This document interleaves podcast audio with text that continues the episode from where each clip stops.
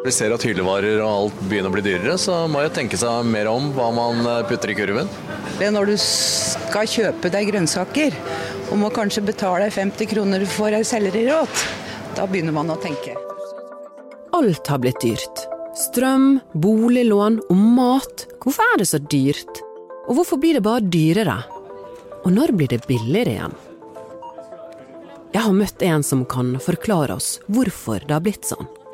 Professor i samfunnsøkonomi ved NHH, Katrine Løken, vet kanskje også noe om fremtiden. Nå hører du på Hva skjedde? Og mitt navn er Anna Magnus.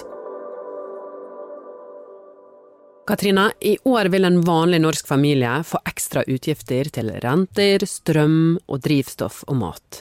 Hvordan havnet vi her? Det er et stort spørsmål, eh, men det er helt klart at det har kommet en del kriser som vi ikke kunne forutsett. Så både korona og krigen nå mellom Russland og Ukraina er faktorer som har bidratt til at vi nå er i en situasjon som eh, vi ikke har sett på lenge. da.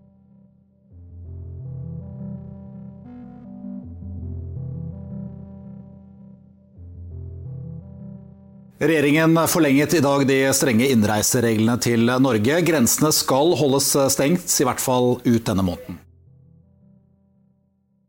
Hvorfor kan en pandemi og en krig påvirke den norske økonomien? Jo, det er fordi at hele verden er vevd sammen. F.eks. når pandemien kom, så stengte vi alle landegrensene mellom land.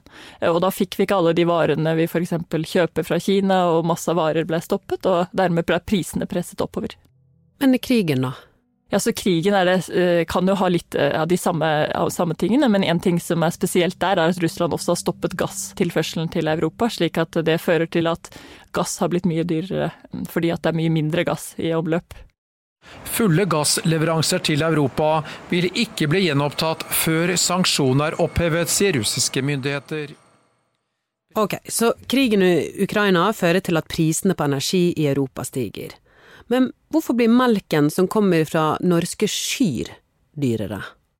Jo, for selv om den produseres i Norge, så bruker den f.eks. strøm for å produsere, for det er maskiner som melker kuene, eh, og, den, eh, og, man må transportere melken til butikkene, og da bruker man for bensin og diesel, eh, som også påvirkes av internasjonale priser. Alt henger sammen, da. Så melkeprodusenten for eksempel vil ikke tjene noe særlig, selv om melken blir dyrere? Nei, mest sannsynlig så vil de ikke det, fordi de vil jo også ha høyere kostnader ved å produsere melken.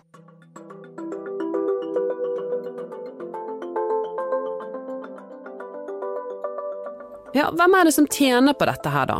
Og vet du om noen som tjener på det? At prisene stiger? Generelt så ønsker vi ikke nødvendigvis at prisene skal stige, for det er mange som taper på det at det blir mer usikkert. Men det er så klart også noen som tjener på det, og eksempelet i Norge er at vi tjener mye som stat på nå å selge mye mer gass til høyere priser. Eh, så det vil alltid være noen aktører som også tjener på det. Samtidig er det ingen andre land i Europa enn Norge som utelukkende tjener økonomisk på Putins gasskrig. Når denne dagen er omme, har Norge tjent 5,5 milliarder kroner på salget av norsk gass i løpet av ett døgn. Så den norske staten den håver inn penger på den dyre gassen, men hvorfor blir det så dyrt her? Hvorfor kan ikke det bli billigere for oss når staten tjener så mye? Ja, så det er et litt komplisert sammenspill, men eh, det er jo sånn at når vi tjener mye mer på gassen, så er jo det et politisk valg, så vi kunne også brukt mye mer av disse pengene på samfunnet og individene i Norge, og delvis gjør vi jo dette gjennom å subsidiere en del av strømmen. Eh, man kunne politisk valgt å gjøre å bidra enda mer, men hvis man gir pengene tilbake til oss, eh, så vil også dette føre til at vi kjøper mer varer igjen, og dermed kan prisene øke enda mer. Så det er liksom en sånn vanskelig balanse mellom eh, disse tingene. Så politisk så kan det være kanskje bedre å samle opp disse pengene for å spare til senere generasjoner, eller til vanskeligere tider, eller osv. Det var sannsynligvis et politisk dilemma da, med denne strømstøtten. Ok, vi gir tilbake, men det kan også ha den effekten at det påvirker negativt på markedet, da? Ja.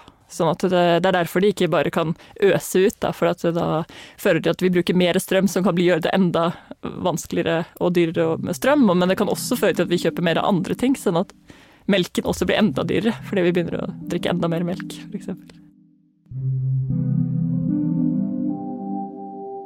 Nå er det høy prisstigning. Er det bra eller dårlig med prisstigning?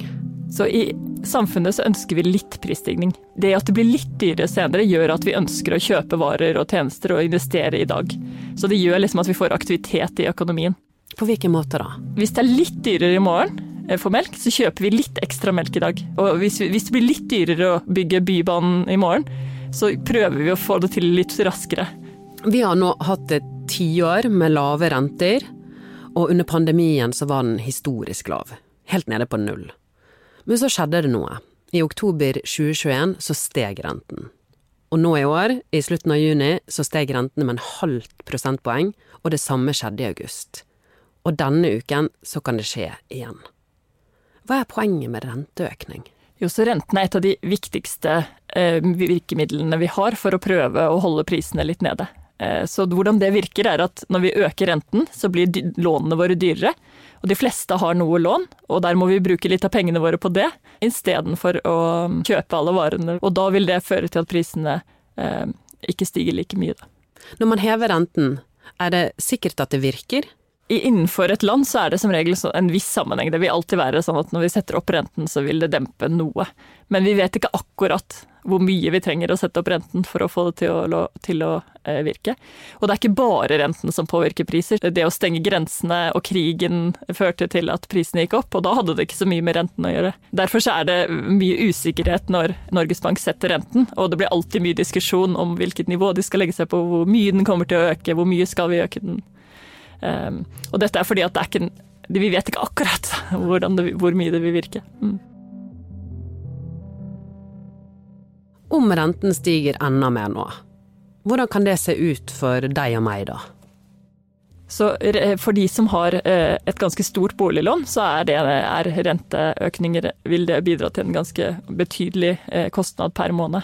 Et sånn vanlig lån på rundt tre millioner, så vil, vil, det, vil, det, bli en betydelig høyere kostnad av økt, å øke renten med et halvt prosentpoeng i forhold til f.eks. For de økte matvareprisene eller strømprisene. Så mange vil nok merke det, merke det godt. Ok, hvis du skal se fremover, Katrine. Eh, hvordan vil det se ut om ja, to, tre til fem år? Vil prisene fortsette å stige? Vil lønningene øke? Hva tror du? Det er vanskelig å spå, og det er mange som prøver. Eh, men eh, det er noen tegn på at, på at de økte rentene allerede har begynt å virke litt, og at det har begynt å dempe forbruket litt. Så, så kanskje Det vil nok øke noe, men, men, jeg er litt optimistisk på at ikke det vil ta helt Eh, helt overhånd. Da. men det, vi vet aldri f.eks. om det kommer andre kriser, og det er alltid en utfordring. Jeg tror du det kan bli billigere igjen? Altså Ett ting vi alltid vet, er at det kommer til å bli billigere en eller annen gang. Eh, for det går alltid opp og ned. Men akkurat når det snur og hvordan, det er det, er det som er usikkert. Tusen takk for praten, Katrine. Bare hyggelig. På bt.no så kan du lese flere forklarende saker om hvordan den økonomiske situasjonen kan påvirke din lommebok. Du har hørt en podkast fra Bergens Tidende. Du har hørt klipp fra E24 og NRK. Denne episoden er laget av Anna Offstad og Anna Magnus.